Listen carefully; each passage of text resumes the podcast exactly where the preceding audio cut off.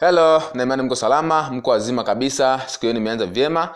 Naomba nichukue fursa hii kushare na wewe mbinu moja ya kuuza muhimu sana sana, inaitwa reflecting technique. Reflecting technique.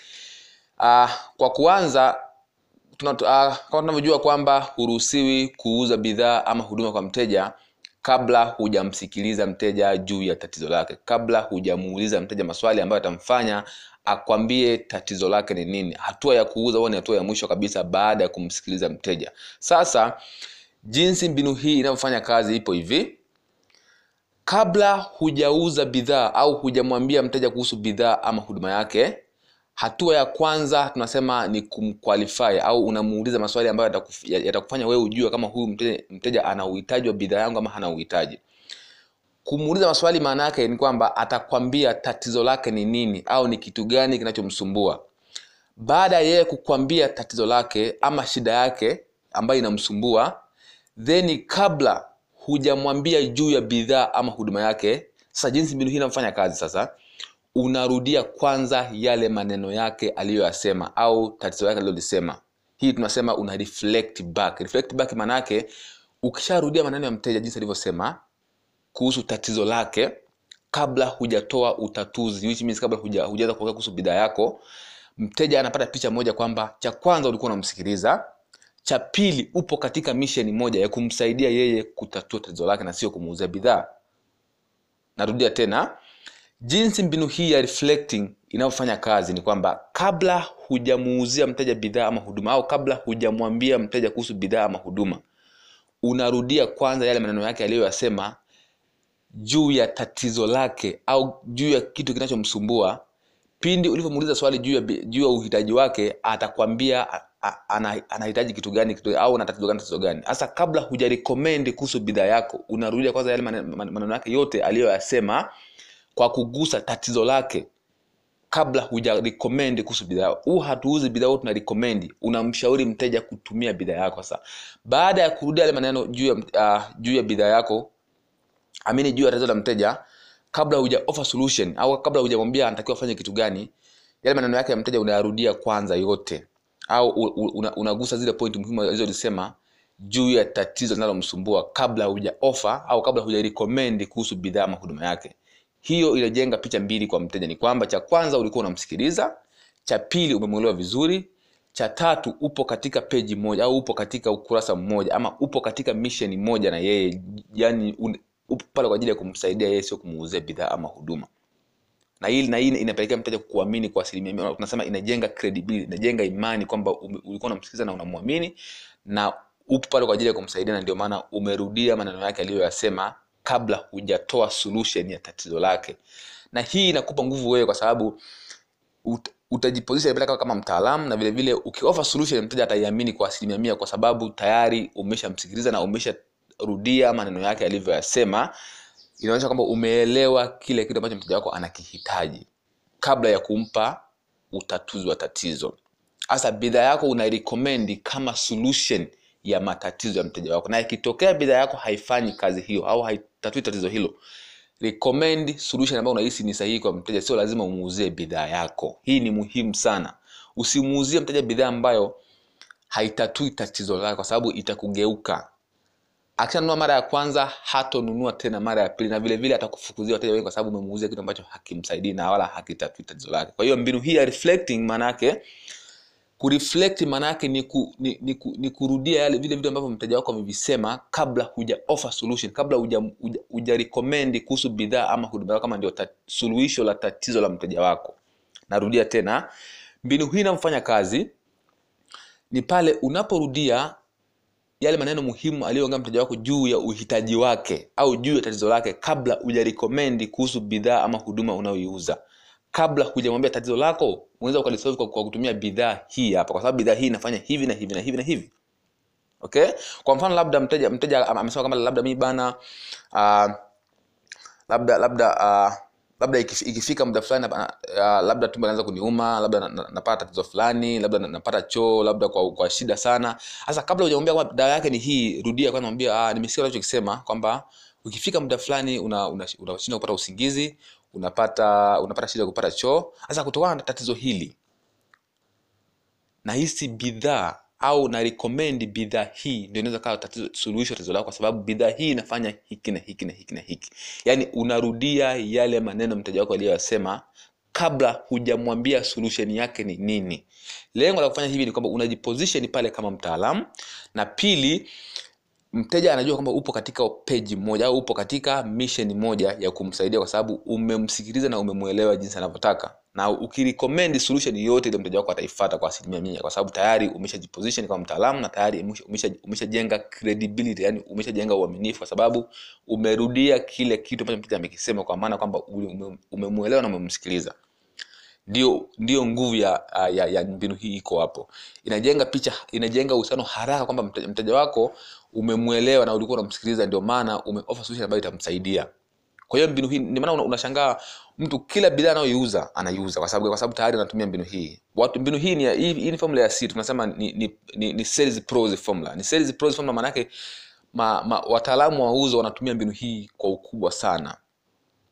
Wanatumia mbinu hii kwa ukubwa na ndio maana matokeo yanakuwa makubwa. Yeye kati ya kati ya wateja watano wanne anauza. Kwa sababu akisha reflect back tayari mteja anajenga authority kwake kwamba huyu mtu anaji, ana, an, ni mtaalamu na anajua na amenisikiliza na amenielewa. Kwa hiyo mbinu anayonipa au, au solution ambayo ananipa ni solution ya ukweli kwa sababu amenielewa ndio maana amerudia vitu vyako visema vyote.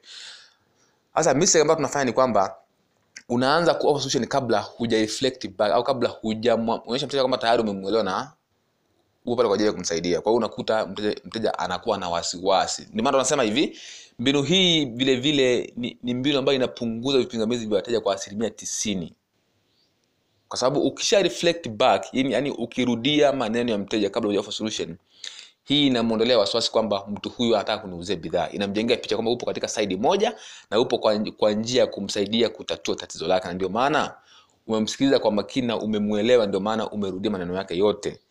Sio lazima urudie maneno yake yote jinsi alivyosema exactly hapana. Ila tu hakikisha unavyorudia kwamba jinsi ulivyomwelewa unagusa zile point ambazo amezisema juu ya tatizo lake.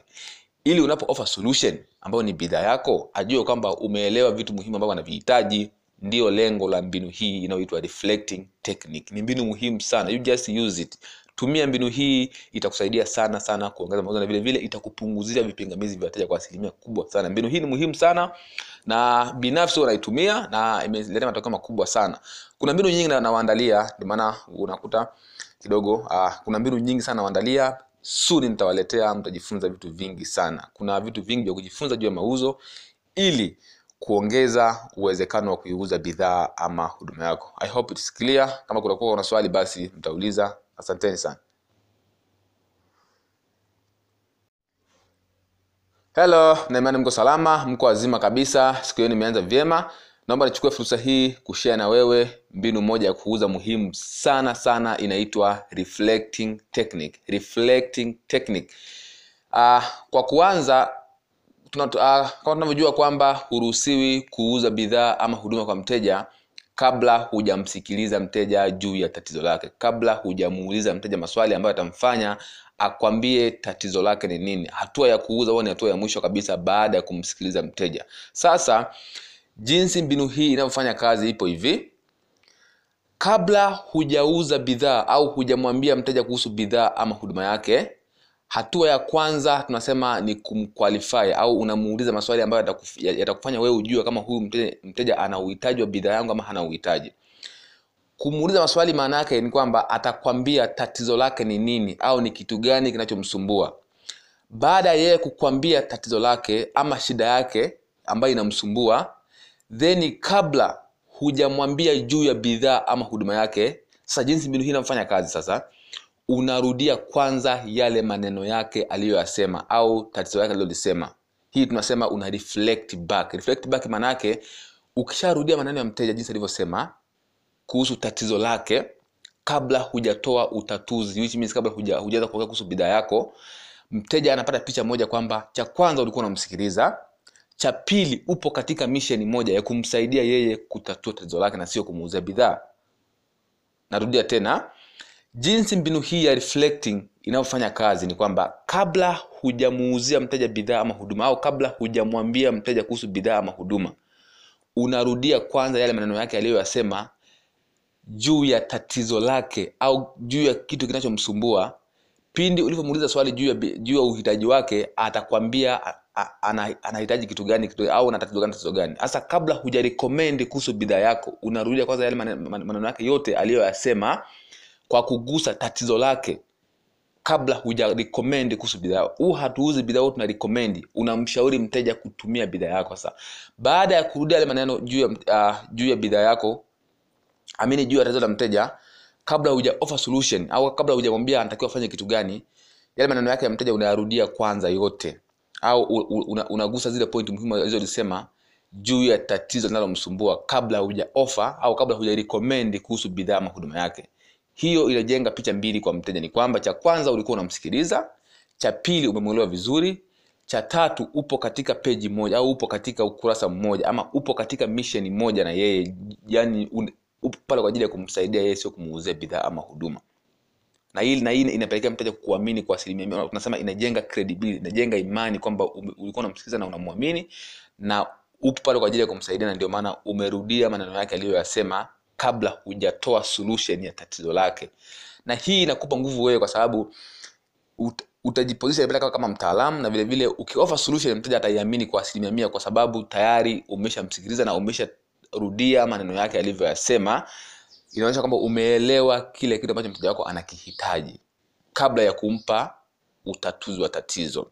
Hasa bidhaa yako unairekomendi kama solution ya matatizo ya mteja wako. Na ikitokea bidhaa yako haifanyi kazi hiyo au haitatui tatizo hilo recommend solution ambayo unahisi ni sahihi kwa mteja. Sio lazima umuuzie bidhaa yako. Hii ni muhimu sana. Usimuuzie mteja bidhaa ambayo haitatui tatizo lake kwa sababu itakugeuka akishanunua mara ya kwanza hatonunua tena mara ya pili na vile vile atakufukuzia wateja wengi kwa sababu umemuuzia kitu ambacho hakimsaidii na wala hakitatui tatizo lake. Kwa hiyo mbinu hii ya reflecting maana yake kureflect maana yake ni, ku, ni, ni, ku, ni kurudia yale vile vitu ambavyo mteja wako amevisema kabla huja offer solution kabla huja, huja, huja recommend kuhusu bidhaa ama huduma yako kama ndio suluhisho la tatizo la mteja wako. Narudia tena mbinu hii inamfanya kazi ni pale unaporudia yale maneno muhimu aliyoongea mteja wako juu ya uhitaji wake au juu ya tatizo lake kabla hujarekomendi kuhusu bidhaa ama huduma unayoiuza. Kabla hujamwambia tatizo lako unaweza ukalisolve kwa, kwa kutumia bidhaa hii hapa kwa sababu bidhaa hii inafanya hivi na hivi na hivi na hivi. Okay? Kwa mfano labda mteja mteja amesema kama labda mi bana uh, labda labda uh, labda ikifika muda fulani uh, labda tumbo linaanza kuniuma labda na- na- napata tatizo fulani labda na- napata choo labda kwa, kwa shida sana. Sasa kabla hujamwambia kwamba dawa yake ni hii rudia kwanza ah, nimesikia unachokisema kwamba ukifika muda fulani unashinda una, una kupata usingizi unapata unapata shida ya kupata choo. Sasa kutokana na tatizo hili nahisi bidhaa au na recommend bidhaa hii ndio inaweza kawa suluhisho tatizo lako kwa sababu bidhaa hii inafanya hiki na hiki na hiki na hiki. Yaani unarudia yale maneno mteja wako aliyoyasema kabla hujamwambia solution yake ni nini. Lengo la kufanya hivi ni kwamba unajiposition pale kama mtaalamu na pili mteja anajua kwamba upo katika peji moja au upo katika mission moja ya kumsaidia kwa sababu umemsikiliza na umemwelewa jinsi anavyotaka. Na ukirecommend solution yote ile mteja wako ataifata kwa asilimia mia kwa sababu tayari umeshajiposition kama mtaalamu na tayari umeshajenga umesha- credibility yani umeshajenga uaminifu kwa sababu umerudia kile kitu ambacho mteja amekisema kwa maana kwamba ume- umemwelewa na umemsikiliza. Ndio ndio nguvu ya, ya, ya mbinu hii iko hapo. Inajenga picha inajenga uhusiano haraka kwamba mteja wako umemwelewa na ulikuwa unamsikiliza ndio maana umeofa solution ambayo itamsaidia. Kwa hiyo mbinu hii ndio maana unashangaa mtu kila bidhaa anayoiuza anaiuza. Kwa sababu kwa sababu tayari anatumia mbinu hii. Watu mbinu hii ni hii, hii ni formula ya C tunasema ni, ni, ni, ni sales pros formula. Ni sales pros formula maana yake ma, ma, wataalamu wa uzo wanatumia mbinu hii kwa ukubwa sana. Wanatumia mbinu hii kwa ukubwa na ndio maana matokeo yanakuwa makubwa. Yeye kati ya kati ya wateja watano wanne anauza. Kwa sababu akisha reflect back tayari mteja anajenga authority kwake kwamba huyu mtu ana, ana, an, ni mtaalamu na anajua na amenisikiliza na amenielewa. Kwa hiyo mbinu anayonipa au, au solution ambayo ananipa ni solution ya ukweli kwa sababu amenielewa ndio maana amerudia vitu vyako ndivyovisema vyote. Sasa mistake ambayo tunafanya ni kwamba unaanza kuofa solution kabla huja reflect back au kabla hujaonyesha mteja kwamba tayari umemwelewa na upo pale kwa ajili ya kumsaidia. Kwa hiyo unakuta mteja, mteja anakuwa na wasiwasi. Ndio maana tunasema hivi mbinu hii vile vile ni, ni mbinu ambayo inapunguza vipingamizi vya wateja kwa asilimia tisini. Kwa sababu ukisha reflect back yani, yani ukirudia maneno ya mteja kabla hujaofa solution hii inamwondolea wasiwasi kwamba mtu huyu anataka kuniuzia bidhaa. Inamjengea picha kwamba upo katika saidi moja na upo kwa, njia ya kumsaidia kutatua tatizo lake. Na ndio maana umemsikiliza kwa makini na umemwelewa ndio maana umerudia maneno yake yote. Sio lazima urudie maneno yake yote jinsi alivyosema exactly hapana. Ila tu hakikisha unavyo- unavyorudia kwamba jinsi ulivyomwelewa unagusa zile point ambazo amezisema juu ya tatizo lake. Ili unapo offer solution ambayo ni bidhaa yako ajue kwamba umeelewa vitu muhimu ambavyo anavihitaji ndio lengo la mbinu hii inayoitwa reflecting technique. Ni mbinu muhimu sana. You just use it. Tumia mbinu hii itakusaidia sana sana kuongeza mauzo na vile vile itakupunguzia vipingamizi vya wateja kwa asilimia kubwa sana. Mbinu hii ni muhimu sana na binafsi wanaitumia na imeleta matokeo makubwa sana. Kuna mbinu nyingi na- nawaandalia ndio maana unakuta kidogo. Uh, kuna mbinu nyingi sana waandalia suni nitawaletea mtajifunza vitu vingi sana. Kuna vitu vingi vya kujifunza juu ya mauzo ili kuongeza uwezekano wa kuiuza bidhaa ama huduma yako. I hope it's clear. Kama kutakuwa kuna swali basi mtauliza. Asanteni sana. Hello naimani mko salama mko wazima kabisa. Siku hiyo nimeanza vyema naomba nichukue fursa hii kushea na wewe mbinu moja ya kuuza muhimu sana sana inaitwa reflecting technique. Reflecting technique. Uh, kwa kuanza tuna, uh, kama tunavyojua kwamba huruhusiwi kuuza bidhaa ama huduma kwa mteja kabla hujamsikiliza mteja juu ya tatizo lake. Kabla hujamuuliza mteja maswali ambayo atamfanya akwambie tatizo lake ni nini. Hatua ya kuuza huwa ni hatua ya mwisho kabisa baada ya kumsikiliza mteja. Sasa jinsi mbinu hii inavyofanya kazi ipo hivi. Kabla hujauza bidhaa au hujamwambia mteja kuhusu bidhaa ama huduma yake hatua ya kwanza tunasema ni kumqualify au unamuuliza maswali ambayo yatakufanya wewe ujue kama huyu mteja, mteja ana uhitaji wa bidhaa yangu ama hana uhitaji. Kumuuliza maswali maana yake ni kwamba atakwambia tatizo lake ni nini au ni kitu gani kinachomsumbua. Baada ya yeye kukwambia tatizo lake ama shida yake ambayo inamsumbua then kabla hujamwambia juu ya bidhaa ama huduma yake sasa jinsi mbinu hii inafanya kazi sasa unarudia kwanza yale maneno yake aliyoyasema au tatizo yake alilolisema. Hii tunasema una reflect back. Reflect back maana yake ukisharudia maneno ya mteja jinsi alivyosema kuhusu tatizo lake kabla hujatoa utatuzi which means kabla huja- hujaweza kuongea kuhusu bidhaa yako mteja anapata picha moja kwamba cha kwanza ulikuwa unamsikiliza cha pili upo katika misheni moja ya kumsaidia yeye kutatua tatizo lake na sio kumuuzia bidhaa. Narudia tena jinsi mbinu hii ya reflecting inayofanya kazi ni kwamba kabla hujamuuzia mteja bidhaa ama huduma au kabla hujamwambia mteja kuhusu bidhaa ama huduma unarudia kwanza yale maneno yake aliyoyasema juu ya tatizo lake au juu ya kitu kinachomsumbua.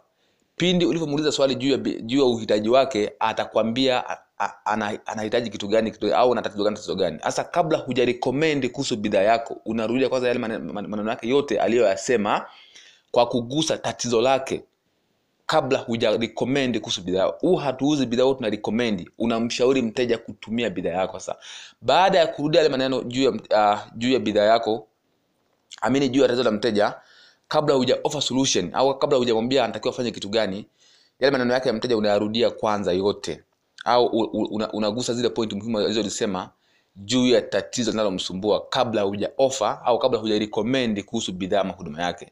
Hiyo inajenga picha mbili kwa mteja. Ni kwamba cha kwanza ulikuwa unamsikiliza cha pili umemwelewa vizuri cha tatu upo katika peji moja au upo katika ukurasa mmoja ama upo katika mission moja na yeye yani upo pale kwa ajili ya kumsaidia yeye sio kumuuzia bidhaa ama huduma na hii na hii inapelekea mteja kuamini kwa asilimia mia. tunasema inajenga credibility inajenga imani kwamba ulikuwa unamsikiliza na unamwamini na upo pale kwa ajili ya kumsaidia na ndio maana umerudia maneno yake aliyoyasema kabla hujatoa solution ya tatizo lake na hii inakupa nguvu wewe kwa sababu ut, utajiposition pale kama mtaalamu na vile vile ukiofa solution mteja ataiamini kwa asilimia mia kwa sababu tayari umeshamsikiliza na umesharudia maneno yake alivyoyasema inaonyesha kwamba umeelewa kile kitu ambacho mteja wako anakihitaji kabla ya kumpa utatuzi wa tatizo.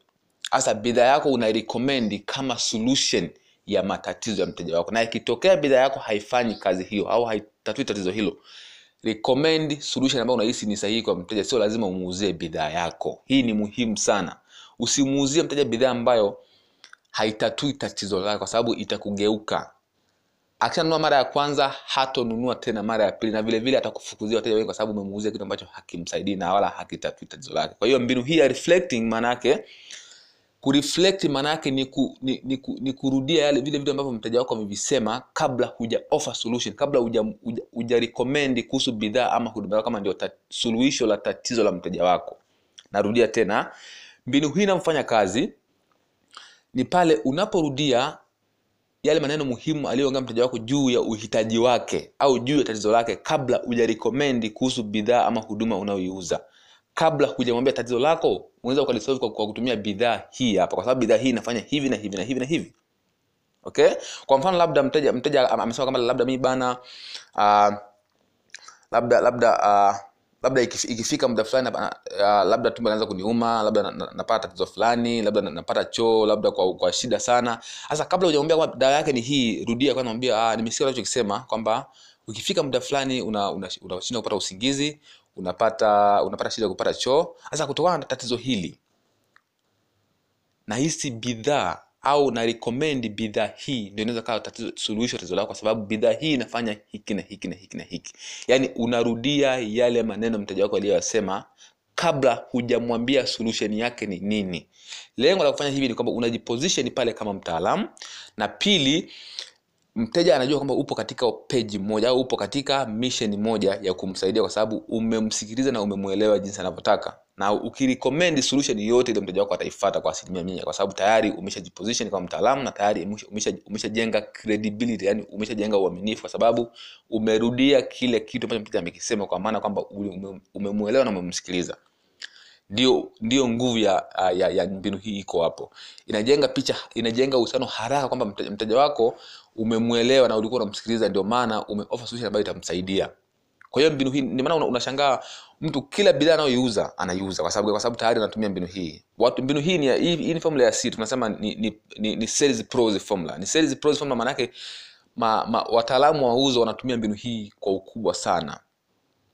Wanatumia mbinu hii kwa ukubwa na ndio maana matokeo yanakuwa makubwa. Yeye kati ya kati ya wateja watano wanne anauza. Kwa sababu akisha reflect back tayari mteja anajenga authority kwake kwamba huyu mtu anaji, ana, an, ni mtaalamu na anajua na amenisikiliza na amenielewa. Kwa hiyo mbinu anayonipa au, au solution ambayo ananipa ni solution ya ukweli kwa sababu amenielewa ndio maana amerudia vitu vyako ndivyovisema vyote.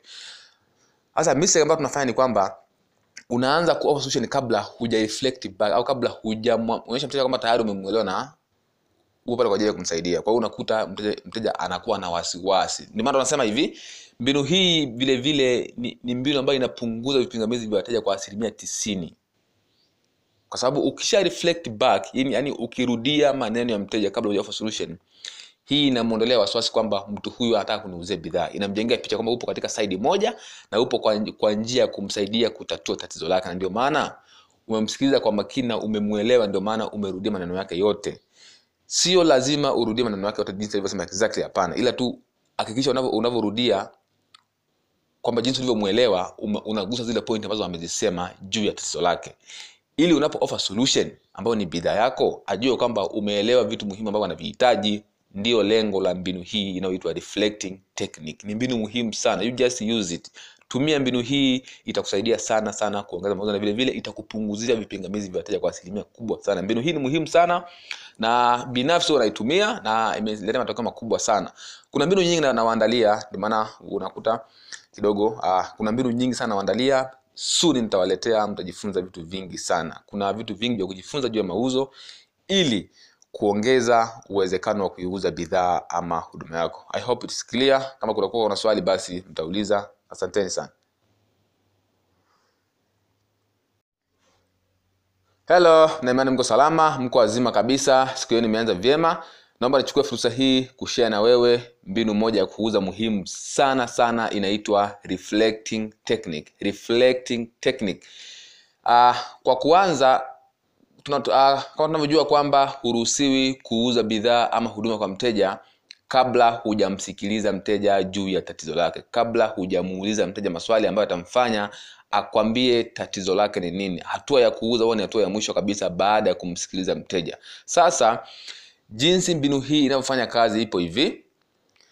Kabla hujauza bidhaa au hujamwambia mteja kuhusu bidhaa ama huduma yake hatua ya kwanza tunasema ni kumqualify au unamuuliza maswali ambayo yatakufanya wewe ujue kama huyu mteja, mteja ana uhitaji wa bidhaa yangu ama hana uhitaji.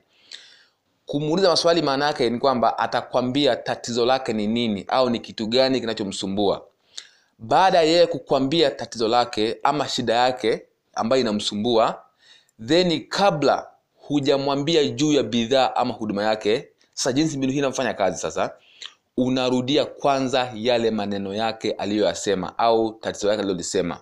Hii tunasema una reflect back. Reflect back maana yake ukisharudia maneno ya mteja jinsi alivyosema kuhusu tatizo lake kabla hujatoa utatuzi which means kabla huja- hujaanza kuongea kuhusu bidhaa yako mteja anapata picha moja kwamba cha kwanza ulikuwa unamsikiliza cha pili upo katika misheni moja ya kumsaidia yeye kutatua tatizo lake na sio kumuuzia bidhaa.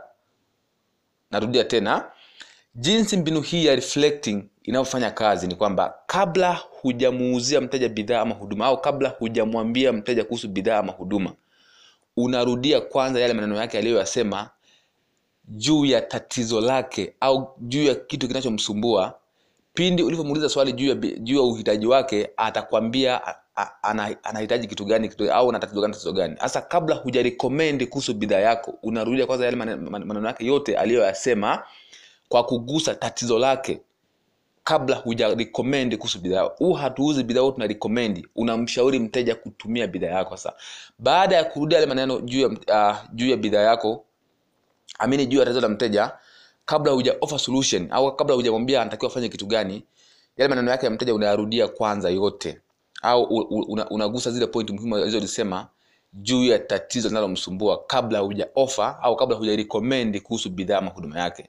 Hiyo inajenga picha mbili kwa mteja. Ni kwamba cha kwanza ulikuwa unamsikiliza cha pili umemwelewa vizuri cha tatu upo katika peji moja au upo katika ukurasa mmoja ama upo katika mission moja na yeye yani un, upo pale kwa ajili ya kumsaidia yeye sio kumuuzia bidhaa ama huduma na hii na hii inapelekea mteja kuamini kwa asilimia mia. Tunasema inajenga credibility inajenga imani kwamba ulikuwa unamsikiliza na unamwamini na upo pale kwa ajili ya kumsaidia na ndio maana umerudia maneno yake aliyoyasema kabla hujatoa solution ya tatizo lake.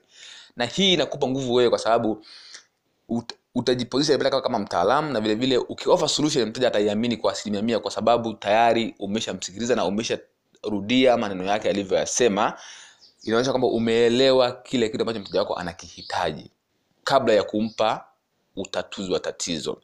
Hasa bidhaa yako unairekomendi kama solution ya matatizo ya mteja wako. Na ikitokea bidhaa yako haifanyi kazi hiyo au haitatui tatizo hilo recommend solution ambayo unahisi ni sahihi kwa mteja. Sio lazima umuuzie bidhaa yako. Hii ni muhimu sana. Usimuuzie mteja bidhaa ambayo haitatui tatizo lake kwa sababu itakugeuka akishanunua mara ya kwanza hatonunua tena mara ya pili na vilevile vile atakufukuzia wateja wengi kwa sababu umemuuzia kitu ambacho hakimsaidii na wala hakitatui tatizo lake. Kwa hiyo mbinu hii ya reflecting maana yake kureflect maana yake ni, ku, ni, ni, ku, ni kurudia yale vile vitu ambavyo mteja wako amevisema kabla huja offer solution kabla huja, huja, huja recommend kuhusu bidhaa ama huduma yako kama ndio suluhisho la tatizo la mteja wako. Narudia tena mbinu hii inamfanya kazi ni pale unaporudia yale maneno muhimu aliyoongea mteja wako juu ya uhitaji wake au juu ya tatizo lake kabla hujarikomendi kuhusu bidhaa ama huduma unayoiuza. Kabla hujamwambia tatizo lako unaweza ukalisolve kwa, kwa kutumia bidhaa hii hapa kwa sababu bidhaa hii inafanya hivi na hivi na hivi na hivi. Okay? Kwa mfano labda mteja mteja amesema kama labda mi bana uh, labda labda uh, labda ikifika muda fulani uh, labda tumbo linaanza kuniuma labda na- na- napata tatizo fulani labda napata choo labda kwa, kwa shida sana. Sasa kabla hujamwambia kwamba dawa yake ni hii rudia kwanza mwambia ah, nimesikia unachokisema kwamba ukifika muda fulani unashindwa una, una kupata usingizi unapata unapata shida kupata choo. Sasa kutokana na tatizo hili nahisi bidhaa au na recommend bidhaa hii ndio inaweza kawa tatizo suluhisho tatizo lako kwa sababu bidhaa hii inafanya hiki na hiki na hiki na hiki. Yaani unarudia yale maneno mteja wako aliyoyasema kabla hujamwambia solution yake ni nini. Lengo la kufanya hivi ni kwamba unajiposition pale kama mtaalamu na pili mteja anajua kwamba upo katika peji moja au upo katika mission moja ya kumsaidia kwa sababu umemsikiliza na umemwelewa jinsi anavyotaka na ukirecommend solution yoyote ile mteja wako ataifuata kwa asilimia mia kwa sababu tayari umeshajiposition kama mtaalamu na tayari umeshajenga umesha, credibility yani umeshajenga uaminifu kwa sababu umerudia kile kitu ambacho mteja amekisema kwa maana kwamba umemuelewa na umemsikiliza. Ndio ndio nguvu ya, ya, ya mbinu hii iko hapo. Inajenga picha inajenga uhusiano haraka kwamba mteja, mteja wako umemwelewa na ulikuwa unamsikiliza ndio maana umeoffer solution ambayo itamsaidia kwa hiyo mbinu hii ndio maana unashangaa mtu kila bidhaa anayoiuza anaiuza. Kwa sababu kwa sababu tayari anatumia mbinu hii. Watu mbinu hii ni hii, hii ni formula ya C tunasema ni ni, ni, ni sales pros formula. Ni sales pros formula maana yake ma, ma, wataalamu wa uzo wanatumia mbinu hii kwa ukubwa sana.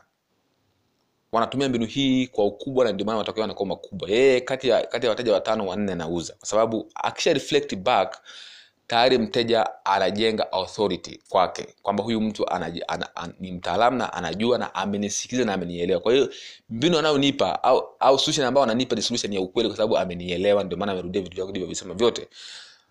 Sasa mistake ambayo tunafanya ni kwamba unaanza kuoffer solution kabla huja reflect back au kabla hujaonyesha mteja kwamba tayari umemwelewa na upo pale kwa ajili ya kumsaidia. Kwa hiyo unakuta mteja, mteja anakuwa na wasiwasi. Ndio maana tunasema hivi mbinu hii vile vile ni, ni mbinu ambayo inapunguza vipingamizi vya wateja kwa asilimia tisini.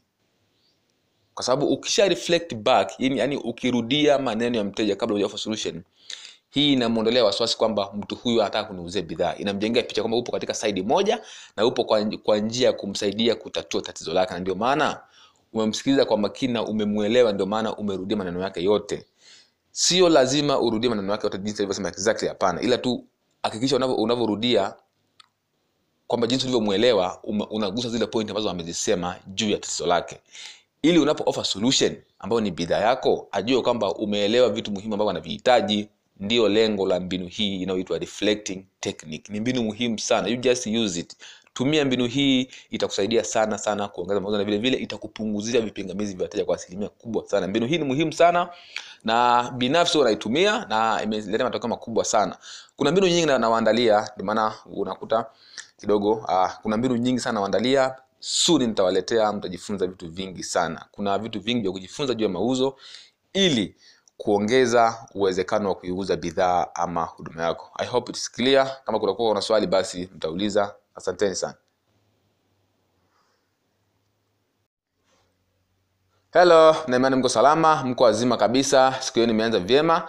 Naomba nichukue fursa hii kushea na wewe mbinu moja ya kuuza muhimu sana sana inaitwa reflecting technique. Reflecting technique.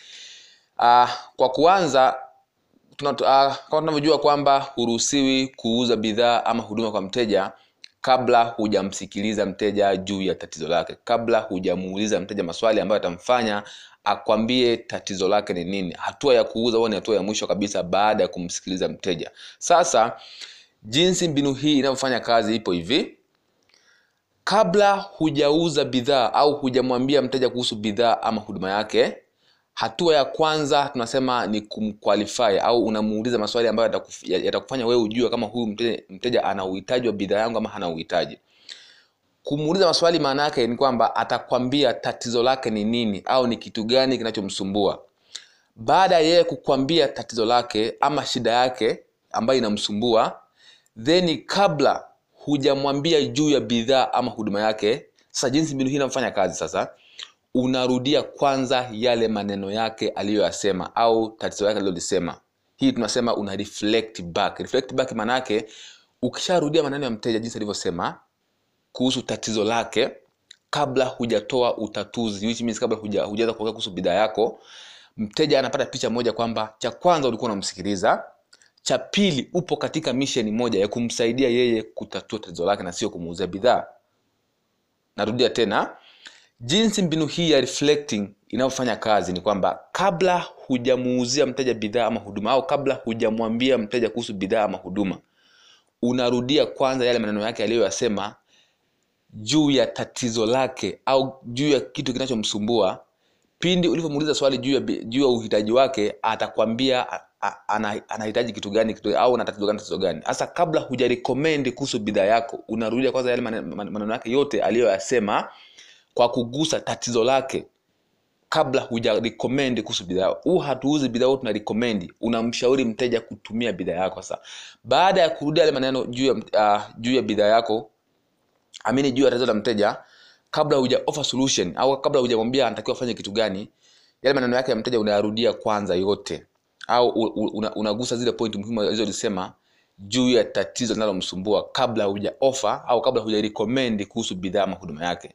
Hiyo inajenga picha mbili kwa mteja. Ni kwamba cha kwanza ulikuwa unamsikiliza cha pili umemwelewa vizuri cha tatu upo katika peji moja au upo katika ukurasa mmoja ama upo katika mission moja na yeye yani un, upo pale kwa ajili ya kumsaidia yeye sio kumuuzia bidhaa ama huduma na hii na hii inapelekea mteja kuamini kwa asilimia mia tunasema inajenga credibility inajenga imani kwamba ulikuwa unamsikiliza na unamwamini na upo pale kwa ajili ya kumsaidia na ndio maana umerudia maneno yake aliyoyasema kabla hujatoa solution ya tatizo lake.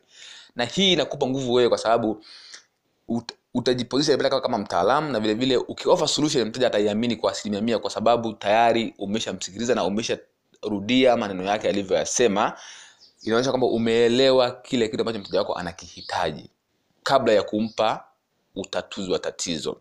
Hasa bidhaa yako unairekomendi kama solution ya matatizo ya mteja wako. Na ikitokea bidhaa yako haifanyi kazi hiyo au haitatui tatizo hilo recommend solution ambayo unahisi ni sahihi kwa mteja. Sio lazima umuuzie bidhaa yako. Hii ni muhimu sana. Usimuuzie mteja bidhaa ambayo haitatui tatizo lake kwa sababu itakugeuka akishanunua mara ya kwanza hatonunua tena mara ya pili na vile vile atakufukuzia wateja wengi kwa sababu umemuuzia kitu ambacho hakimsaidii na wala hakitatui tatizo lake. Kwa hiyo mbinu hii ya reflecting maanaake kureflect maanaake ni, ku, ni, ni, ku, ni kurudia yale vile vitu ambavyo mteja wako amevisema kabla huja offer solution kabla huja, huja, huja recommend kuhusu bidhaa ama huduma yako kama ndio suluhisho la tatizo la mteja wako. Narudia tena mbinu hii inamfanya kazi ni pale unaporudia yale maneno muhimu aliyoongea mteja wako juu ya uhitaji wake au juu ya tatizo lake kabla hujarekomendi kuhusu bidhaa ama huduma unayoiuza. Kabla hujamwambia tatizo lako unaweza ukalisolve kwa, kwa kutumia bidhaa hii hapa kwa sababu bidhaa hii inafanya hivi na hivi na hivi na hivi. Okay?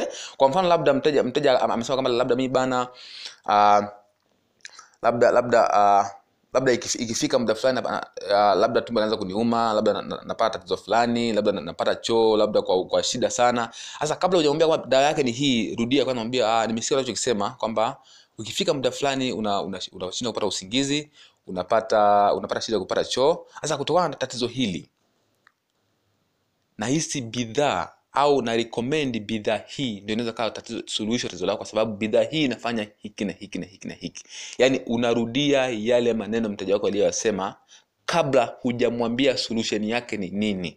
Lengo la kufanya hivi ni kwamba unajiposition pale kama mtaalamu na pili mteja anajua kwamba upo katika peji moja au upo katika misheni moja ya kumsaidia kwa sababu umemsikiliza na umemwelewa jinsi anavyotaka. Na ukirecommend solution yote ile mteja wako ataifata kwa asilimia mia kwa sababu tayari umeshajiposition kama mtaalamu na tayari umeshajenga umesha, credibility yani umeshajenga uaminifu kwa sababu umerudia kile kitu ambacho mteja amekisema kwa maana kwamba umemwelewa na umemsikiliza. Ndio ndio nguvu ya, ya, ya mbinu hii iko hapo. Inajenga picha inajenga uhusiano haraka kwamba mteja wako umemwelewa na ulikuwa unamsikiliza ndio maana umeofa solution ambayo itamsaidia. Kwa hiyo mbinu hii ndio maana unashangaa mtu kila bidhaa anayoiuza anaiuza. Kwa sababu kwa sababu tayari anatumia mbinu hii. Watu mbinu hii ni hii, ni formula ya C tunasema ni ni, ni, ni sales pros formula. Ni sales pros formula maana yake ma, ma, wataalamu wa uzo wanatumia mbinu hii kwa ukubwa sana. Wanatumia mbinu hii kwa ukubwa na ndio maana matokeo yanakuwa makubwa. Yeye kati ya kati ya wateja watano wanne anauza. Kwa sababu akisha reflect back tayari mteja anajenga authority kwake kwamba huyu mtu anaji, ana, an, ni mtaalamu na anajua na amenisikiliza na amenielewa. Kwa hiyo mbinu anayonipa au, au solution ambayo ananipa ni solution ya ukweli kwa sababu amenielewa ndio maana amerudia vitu vyako ndivyovisema vyote. Sasa mistake ambayo tunafanya ni kwamba unaanza kuoffer solution kabla huja reflect back au kabla hujaonyesha mteja kwamba tayari umemwelewa na upo pale kwa ajili ya kumsaidia. Kwa hiyo unakuta mteja, mteja anakuwa na wasiwasi. Ndio maana tunasema hivi mbinu hii vile vile ni, ni mbinu ambayo inapunguza vipingamizi vya wateja kwa asilimia tisini.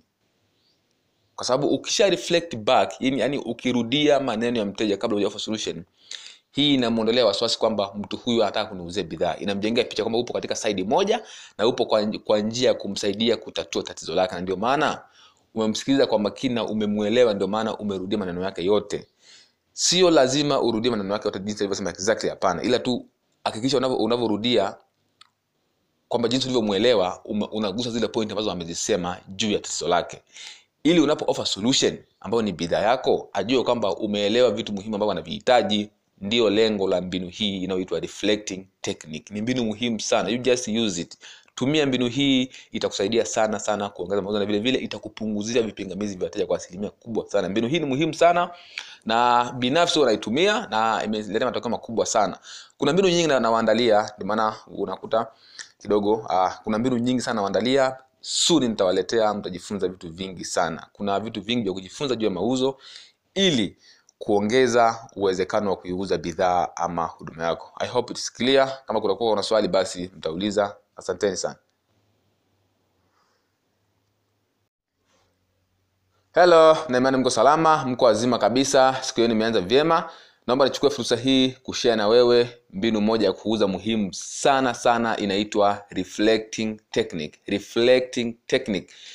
Uh, kwa kuanza uh, kama tunavyojua kwamba huruhusiwi kuuza bidhaa ama huduma kwa mteja kabla hujamsikiliza mteja juu ya tatizo lake. Kabla hujamuuliza mteja maswali ambayo atamfanya akwambie tatizo lake ni nini. Hatua ya kuuza huwa ni hatua ya mwisho kabisa baada ya kumsikiliza mteja. Sasa jinsi mbinu hii inavyofanya kazi ipo hivi. Kabla hujauza bidhaa au hujamwambia mteja kuhusu bidhaa ama huduma yake hatua ya kwanza tunasema ni kumqualify au unamuuliza maswali ambayo yatakufanya wewe ujue kama huyu mteja, mteja ana uhitaji wa bidhaa yangu ama hana uhitaji. Kumuuliza maswali maana yake ni kwamba atakwambia tatizo lake ni nini au ni kitu gani kinachomsumbua. Baada ya yeye kukwambia tatizo lake ama shida yake ambayo inamsumbua then kabla hujamwambia juu ya bidhaa ama huduma yake sasa jinsi mbinu hii inafanya kazi sasa unarudia kwanza yale maneno yake aliyoyasema au tatizo yake alilolisema. Hii tunasema una reflect back. Reflect back maana yake ukisharudia maneno ya mteja jinsi alivyosema kuhusu tatizo lake kabla hujatoa utatuzi which means kabla huja- hujaanza kuongea kuhusu bidhaa yako mteja anapata picha moja kwamba cha kwanza ulikuwa unamsikiliza cha pili upo katika misheni moja ya kumsaidia yeye kutatua tatizo lake na sio kumuuzia bidhaa. Narudia tena jinsi mbinu hii ya reflecting inayofanya kazi ni kwamba kabla hujamuuzia mteja bidhaa ama huduma au kabla hujamwambia mteja kuhusu bidhaa ama huduma unarudia kwanza yale maneno yake aliyoyasema juu ya tatizo lake au juu ya kitu kinachomsumbua.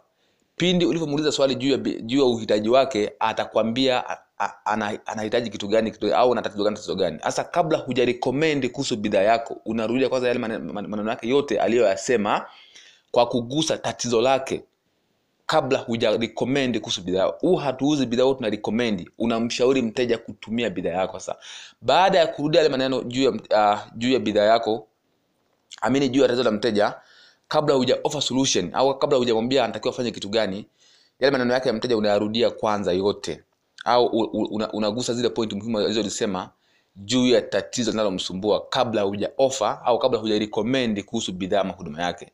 Hiyo inajenga picha mbili kwa mteja. Ni kwamba cha kwanza ulikuwa unamsikiliza cha pili umemwelewa vizuri cha tatu upo katika peji moja au upo katika ukurasa mmoja ama upo katika mission moja na yeye yani upo pale kwa ajili ya kumsaidia yeye sio kumuuzia bidhaa ama huduma na hii na hii inapelekea mteja kuamini kwa asilimia mia tunasema inajenga credibility inajenga imani kwamba ulikuwa unamsikiliza na unamwamini na upo pale kwa ajili ya kumsaidia na ndio maana umerudia maneno yake aliyoyasema kabla hujatoa solution ya tatizo lake. Na hii inakupa nguvu wewe kwa sababu ut, utajipozisha pale kama- kama mtaalamu na vile vile ukiofa solution mteja ataiamini kwa asilimia mia kwa sababu tayari umeshamsikiliza na umesharudia maneno yake alivyoyasema inaonyesha kwamba umeelewa kile kitu ambacho mteja wako anakihitaji kabla ya kumpa utatuzi wa tatizo. Hasa bidhaa yako unairekomendi kama solution ya matatizo ya mteja wako. Na ikitokea bidhaa yako haifanyi kazi hiyo au haitatui tatizo hilo recommend solution ambayo unahisi ni sahihi kwa mteja. Sio lazima umuuzie bidhaa yako. Hii ni muhimu sana. Usimuuzie mteja bidhaa ambayo haitatui tatizo lake kwa sababu itakugeuka akishanunua mara ya kwanza hatonunua tena mara ya pili na vile vile atakufukuzia wateja wengi kwa sababu umemuuzia kitu ambacho hakimsaidii na wala hakitatui tatizo lake. Kwa hiyo mbinu hii ya reflecting maana yake kureflect maana yake ni, ku, ni, ni, ku, ni kurudia yale vile vitu ambavyo mteja wako amevisema kabla huja offer solution kabla huja, huja, kuhusu bidhaa ama huduma kama ndio suluhisho la tatizo la mteja wako. Narudia tena mbinu hii inamfanya kazi ni pale unaporudia yale maneno muhimu aliyoongea mteja wako juu ya uhitaji wake au juu ya tatizo lake kabla hujarikomendi kuhusu bidhaa ama huduma unayoiuza. Kabla hujamwambia tatizo lako unaweza ukalisolve kwa, kwa kutumia bidhaa hii hapa kwa sababu bidhaa hii inafanya hivi na hivi na hivi na hivi. Okay? Kwa mfano labda mteja mteja amesema kwamba labda mimi bana uh, labda labda uh, labda ikifika muda fulani uh, labda tumbo linaanza kuniuma labda na- na- napata tatizo fulani labda napata choo labda kwa, kwa shida sana. Sasa kabla hujamwambia kwamba dawa yake ni hii rudia kwanza mwambia ah, nimesikia unachokisema kwamba ukifika muda fulani unashinda una, una kupata usingizi unapata unapata shida kupata choo. Sasa kutokana na tatizo hili nahisi bidhaa au na recommend bidhaa hii ndio inaweza kawa tatizo suluhisho tatizo lako kwa sababu bidhaa hii inafanya hiki na hiki na hiki na hiki. Yaani unarudia yale maneno mteja wako aliyoyasema kabla hujamwambia solution yake ni nini. Lengo la kufanya hivi ni kwamba unajiposition pale kama mtaalamu na pili mteja anajua kwamba upo katika peji moja au upo katika mission moja ya kumsaidia kwa sababu umemsikiliza na umemwelewa jinsi anavyotaka na ukirecommend solution yote ile mteja wako ataifata kwa asilimia mia kwa sababu tayari umeshajiposition kama mtaalamu na tayari umeshajenga umesha- credibility yani umeshajenga uaminifu kwa sababu umerudia kile kitu ambacho mteja amekisema kwa maana kwamba umemuelewa na umemsikiliza. Ndio ndio nguvu ya, ya, ya mbinu hii iko hapo. Inajenga picha inajenga uhusiano haraka kwamba mteja, mteja wako umemwelewa na ulikuwa unamsikiliza ndio maana umeoffer solution ambayo itamsaidia kwa hiyo mbinu hii ni maana una- unashangaa mtu kila bidhaa anayoiuza anaiuza. Kwa sababu kwa sababu tayari anatumia mbinu hii. Watu mbinu hii ni hii, hii ni formula ya c tunasema ni, ni, ni, ni sales pros formula. Ni sales pros formula maana yake ma, ma, wataalamu wa uzo wanatumia mbinu hii kwa ukubwa sana. Wanatumia mbinu hii kwa ukubwa na ndio maana matokeo yanakuwa makubwa. Yeye kati ya kati ya wateja watano wanne anauza. Kwa sababu akisha reflect back tayari mteja anajenga authority kwake kwamba huyu mtu anaji, ana, an, ni mtaalamu na anajua na amenisikiliza na amenielewa. Kwa hiyo mbinu anayonipa au, au solution ambayo ananipa ni solution ya ukweli kwa sababu amenielewa ndio maana amerudia vitu vyako ndivyovisema vyote. Sasa mistake ambayo tunafanya ni kwamba unaanza kuoffer solution kabla huja reflect back au kabla hujaonyesha mteja kwamba tayari umemuelewa na upo pale kwa ajili ya kumsaidia. Kwa hiyo unakuta mteja, mteja anakuwa na wasiwasi. Ndio maana tunasema hivi mbinu hii vile vile ni, ni mbinu ambayo inapunguza vipingamizi vya wateja kwa asilimia tisini. Kwa sababu ukisha reflect back yani, yani ukirudia maneno ya mteja kabla hujafa solution hii inamwondolea wasiwasi kwamba mtu huyu anataka kuniuzia bidhaa. Inamjengea picha kwamba upo katika saidi moja na upo kwa, kwa njia ya kumsaidia kutatua tatizo lake. Na ndio maana umemsikiliza kwa makini na umemwelewa ndio maana umerudia maneno yake yote.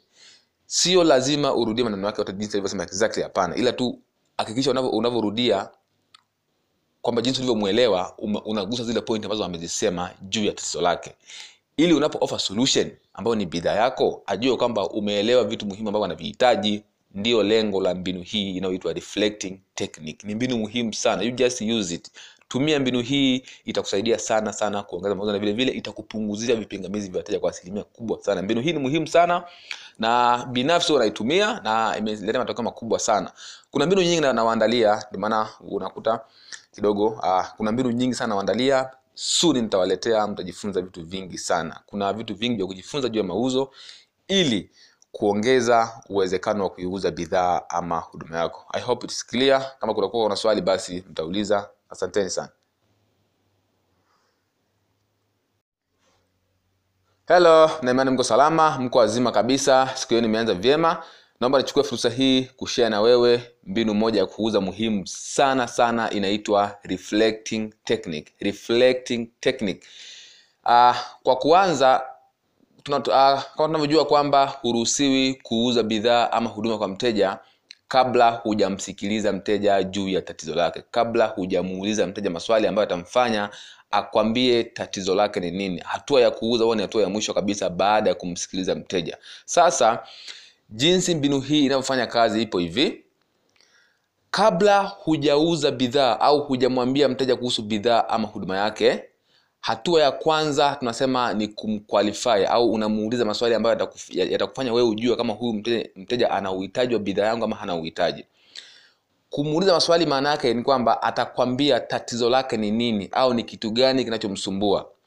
Baada ya yeye kukwambia tatizo lake ama shida yake ambayo inamsumbua then kabla hujamwambia juu ya bidhaa ama huduma yake sasa jinsi mbinu hii inafanya kazi sasa unarudia kwanza yale maneno yake aliyoyasema au tatizo yake alilolisema hii tunasema una reflect back. Reflect back maana yake ukisharudia maneno ya mteja jinsi alivyosema kuhusu tatizo lake kabla hujatoa utatuzi which means kabla huja- hujaanza kuongea kuhusu bidhaa yako mteja anapata picha moja kwamba cha kwanza ulikuwa unamsikiliza cha pili upo katika misheni moja ya kumsaidia yeye kutatua tatizo lake na sio kumuuzia bidhaa. Narudia tena jinsi mbinu hii ya reflecting inayofanya kazi ni kwamba kabla hujamuuzia mteja bidhaa ama huduma au kabla hujamwambia mteja kuhusu bidhaa ama huduma unarudia kwanza yale maneno yake aliyoyasema juu ya tatizo lake au juu ya kitu kinachomsumbua. Pindi ulivyomuuliza swali juu ya, juu ya uhitaji wake atakwambia anahitaji kitu gani kitu, au ana tatizo gani tatizo gani. Hasa kabla hujarekomendi kuhusu bidhaa yako unarudia kwanza yale mane- mane- maneno yake yote aliyoyasema kwa kugusa tatizo lake kabla hujarekomendi kuhusu bidhaa huu hatuuzi bidhaa huu tuna recommend unamshauri mteja kutumia bidhaa yako. Sasa baada ya kurudia yale maneno juu ya, uh, juu ya bidhaa yako amini juu ya tatizo la mteja kabla huja offer solution au kabla hujamwambia anatakiwa afanye kitu gani yale maneno yake ya mteja unayarudia kwanza yote au unagusa zile point muhimu alizozisema juu ya tatizo linalomsumbua kabla huja offer au kabla huja recommend kuhusu bidhaa ama huduma yake. Hiyo inajenga picha mbili kwa mteja. Ni kwamba cha kwanza ulikuwa unamsikiliza cha pili umemwelewa vizuri cha tatu upo katika peji moja au upo katika ukurasa mmoja ama upo katika mission moja na yeye yani upo pale kwa ajili ya kumsaidia yeye sio kumuuzia bidhaa ama huduma na hii na hii inapelekea mteja kuamini kwa asilimia mia tunasema inajenga credibility inajenga imani kwamba ulikuwa unamsikiliza na unamwamini na upo pale kwa ajili ya kumsaidia na ndio maana umerudia maneno yake aliyoyasema kabla hujatoa solution ya tatizo lake. Na hii inakupa nguvu wewe kwa sababu ut, utajipozisha pale kama- mtaalamu na vile vile ukiofa solution mteja ataiamini kwa asilimia mia kwa sababu tayari umeshamsikiliza na umesharudia maneno yake alivyoyasema inaonyesha kwamba umeelewa kile kitu ambacho mteja wako anakihitaji kabla ya kumpa utatuzi wa tatizo. Hasa bidhaa yako unairekomendi kama solution ya matatizo ya mteja wako. Na ikitokea bidhaa yako haifanyi kazi hiyo au haitatui tatizo hilo recommend solution ambayo unahisi ni sahihi kwa mteja. Sio lazima umuuzie bidhaa yako. Hii ni muhimu sana. Usimuuzie mteja bidhaa ambayo haitatui tatizo lake kwa sababu itakugeuka akishanunua mara ya kwanza hatonunua tena mara ya pili na vile vile atakufukuzia wateja wengi kwa sababu umemuuzia kitu ambacho hakimsaidii na wala hakitatui tatizo lake. Kwa hiyo mbinu hii ya reflecting maana yake kureflect maana yake ni, ku, ni, ni, ku, ni kurudia yale vile vitu ambavyo mteja wako amevisema kabla huja offer solution kabla huja, huja, kuhusu bidhaa ama huduma kama ndio suluhisho la tatizo la mteja wako. Narudia tena mbinu hii inamfanya kazi ni pale unaporudia yale maneno muhimu aliyoongea mteja wako juu ya uhitaji wake au juu ya tatizo lake kabla hujarikomendi kuhusu bidhaa ama huduma unayoiuza. Kabla hujamwambia tatizo lako unaweza ukalisolve kwa, kwa kutumia bidhaa hii hapa kwa sababu bidhaa hii inafanya hivi na hivi na hivi na hivi. Okay? Kwa mfano labda mteja mteja amesema kwamba labda mi bana uh, labda labda uh, labda ikifika muda fulani uh, labda tumbo inaanza kuniuma labda na- na- napata tatizo fulani labda napata choo labda kwa, kwa shida sana. Sasa kabla hujamwambia dawa yake ni hii rudia kwanza mwambia ah, nimesikia unachokisema kwamba ukifika muda fulani unashindwa una, una kupata usingizi unapata unapata shida kupata choo. Sasa kutokana na tatizo hili nahisi bidhaa au na recommend bidhaa hii ndio inaweza kawa tatizo suluhisho tatizo lako kwa sababu bidhaa hii inafanya hiki na hiki na hiki na hiki. Yaani unarudia yale maneno mteja wako aliyoyasema kabla hujamwambia solution yake ni nini. Lengo la kufanya hivi ni kwamba unajiposition pale kama mtaalamu na pili mteja anajua kwamba upo katika peji moja au upo katika mission moja ya kumsaidia kwa sababu umemsikiliza na umemwelewa jinsi anavyotaka na ukirecommend solution yote ile mteja wako ataifata kwa asilimia mia kwa sababu tayari umeshajiposition kama mtaalamu na tayari umesha- umesha- credibility yani umeshajenga uaminifu kwa sababu umerudia kile kitu ambacho mteja amekisema kwa maana kwamba umemuelewa na umemsikiliza. Ndio ndio nguvu ya, ya, ya mbinu hii iko hapo. Inajenga picha inajenga uhusiano haraka kwamba mteja, wako umemwelewa na ulikuwa unamsikiliza ndio maana umeoffer solution ambayo itamsaidia. Kwa hiyo mbinu hii ndio maana unashangaa mtu kila bidhaa anayoiuza anaiuza. Kwa sababu kwa sababu tayari anatumia mbinu hii. Watu mbinu hii ni hii, hii ni formula ya siri. Tunasema ni, ni, ni, ni sales pros formula. Ni sales pros formula maana yake ma, ma, wataalamu wa uzo wanatumia mbinu hii kwa ukubwa sana. Wanatumia mbinu hii kwa ukubwa na ndio maana matokeo yanakuwa makubwa. Yeye kati ya kati ya wateja watano wanne anauza. Kwa sababu akisha reflect back tayari mteja anajenga authority kwake kwamba huyu mtu anaji, ana, an, ni mtaalamu na anajua na amenisikiza na amenielewa. Kwa hiyo mbinu anayonipa au, au solution ambayo ananipa ni solution ya ukweli kwa sababu amenielewa ndio maana amerudia vitu vyako vilivyovisema vyote. Sasa mistake ambayo tunafanya ni kwamba unaanza kuoffer solution kabla huja reflect back au kabla hujaonyesha mteja kwamba tayari umemuelewa na upo pale kwa ajili ya kumsaidia. Kwa hiyo unakuta mteja, mteja anakuwa na wasiwasi. Ndio maana tunasema hivi mbinu hii vile vile ni, ni mbinu ambayo inapunguza vipingamizi vya wateja kwa asilimia tisini.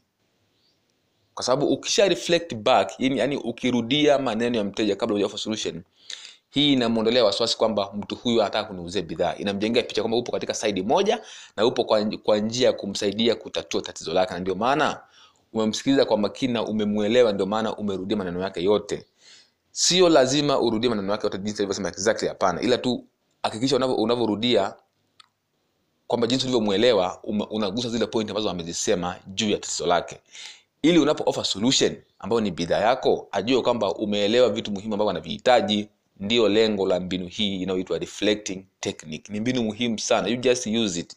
Tumia mbinu hii itakusaidia sana sana kuongeza mauzo na vile vile itakupunguzia vipingamizi vya wateja kwa asilimia kubwa sana. Mbinu hii ni muhimu sana na binafsi unaitumia na imeleta matokeo makubwa sana. Kuna mbinu nyingi nawaandalia ndio maana unakuta kidogo. Uh, kuna mbinu nyingi sana waandalia suni nitawaletea mtajifunza vitu vingi sana. Kuna vitu vingi vya kujifunza juu ya mauzo ili kuongeza uwezekano wa kuiuza bidhaa ama huduma yako. I hope it's clear. Kama kutakuwa una swali basi mtauliza. Asanteni sana.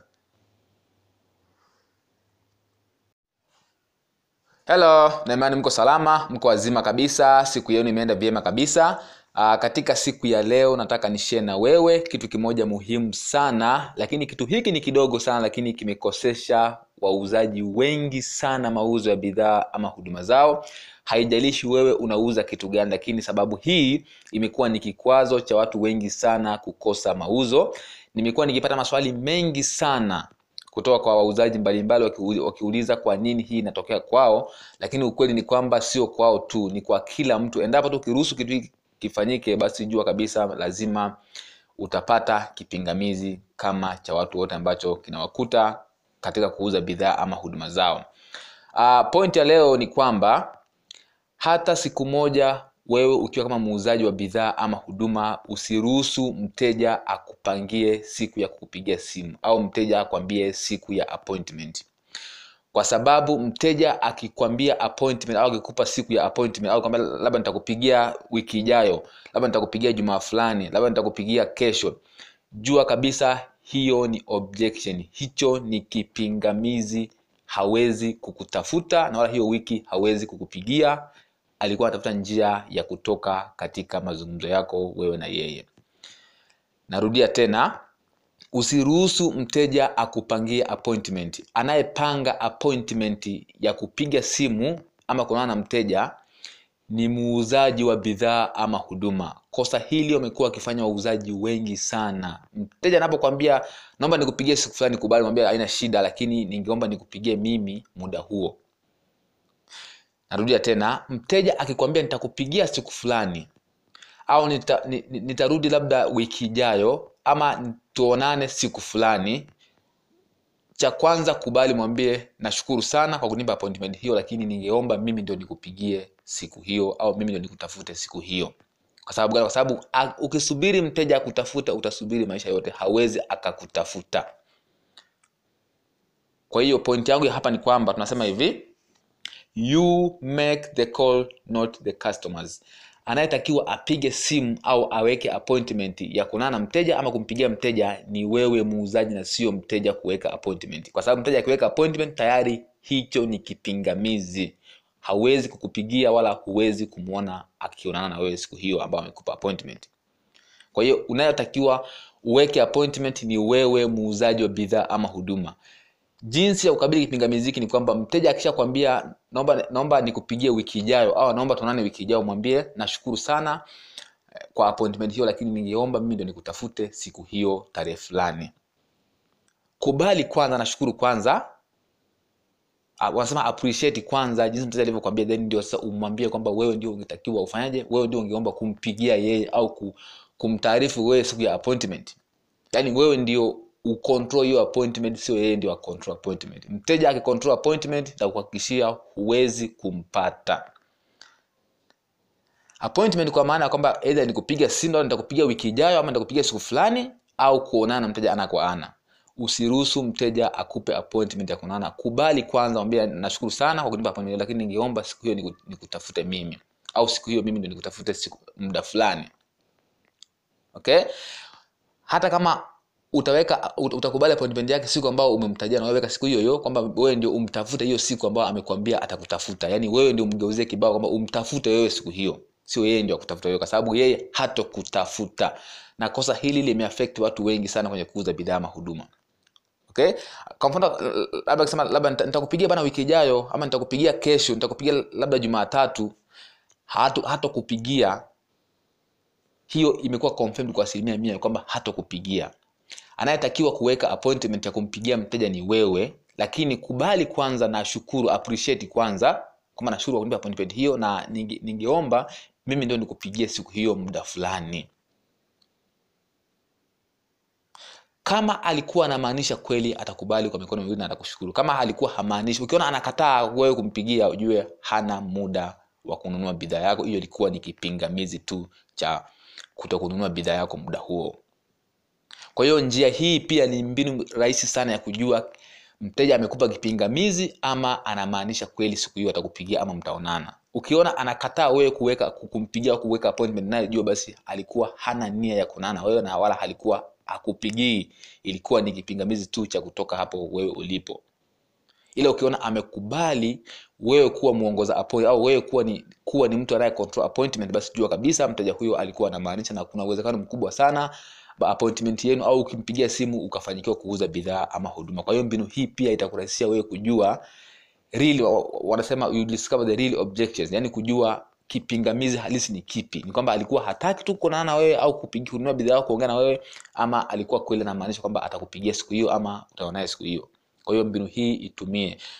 Na summarize kwamba usiruhusu mteja akupe akupangie appointment ya kutafuta wewe wewe ndio unatakiwa umtafute mteja. Anayeweka appointment ni muuzaji sio mteja. Hasa kosa ni kubwa kwamba watu wana- wanasubiri wateja wanawapa appointment. Mteja akishakupa appointment na kuhakikishia hawezi kukutafuta. Ila akishakupa appointment shukuru then kubali mwambie naomba mimi ndio nikutafute siku hiyo. Au naomba mimi ndio nikukumbushe siku ya appointment. Au naomba mimi nikupigie siku hiyo. Okay? Kwa hiyo wewe ndio uwe wewe ndio upige sio mteja akupigie simu yaani wewe ndio uwe ucontrol hiyo appointment sio mteja control appointment. Wewe ndio uwe wa kwanza kumkumbusha mteja kuhusu appointment. Aidha ni kumpigia simu ama ni kuonana naye. Sio yeye ndio awe wa kwanza kukutafuta ama kukupigia kwa sababu hatofanya hivyo kama alivyokwambia ukiona anakataa wewe kucontrol appointment jua kwamba hiyo ilikuwa ni kipingamizi tu alikuwa hana muda wa kukupigia wala alikuwa hana muda wa kuonana na wewe. Kwa hiyo hii mbinu ni rahisi sana kujua objection ya mteja ilikuwa ni, ilikuwa ni kweli ama alikuwa anamaanisha kwamba atakupigia ama ataonana na wewe. Kwa hiyo tumia mbinu hii itakusaidia sana sana na mbinu hii watu wengi sana imewakosti na ndio maana wanifata inbox kuniuliza. Kwa hiyo leo nimeamua ni nilete solution ya jibu hili ambalo limekuwa likikosesha liki, liki mauzo watu wengi sana. Watu wengine hawapo kwenye grupu hili lakini watu wengine wananipigia simu direct kutoka mausili kwao kwamba bana kimekuwa na hii hii inakuaje kwa nini nakuwa hivi? Kwa nini mteja akiniambia nitanipigia lakini hanitafuti? Kwa nini mteja akiniambia ninaona naye lakini siku hiyo hanitafuti? You see? Kwa hiyo wanasubiria wateja wawatafute au wateja wawaambia au wapigie simu. Ni kitu ambacho hakiwezekani.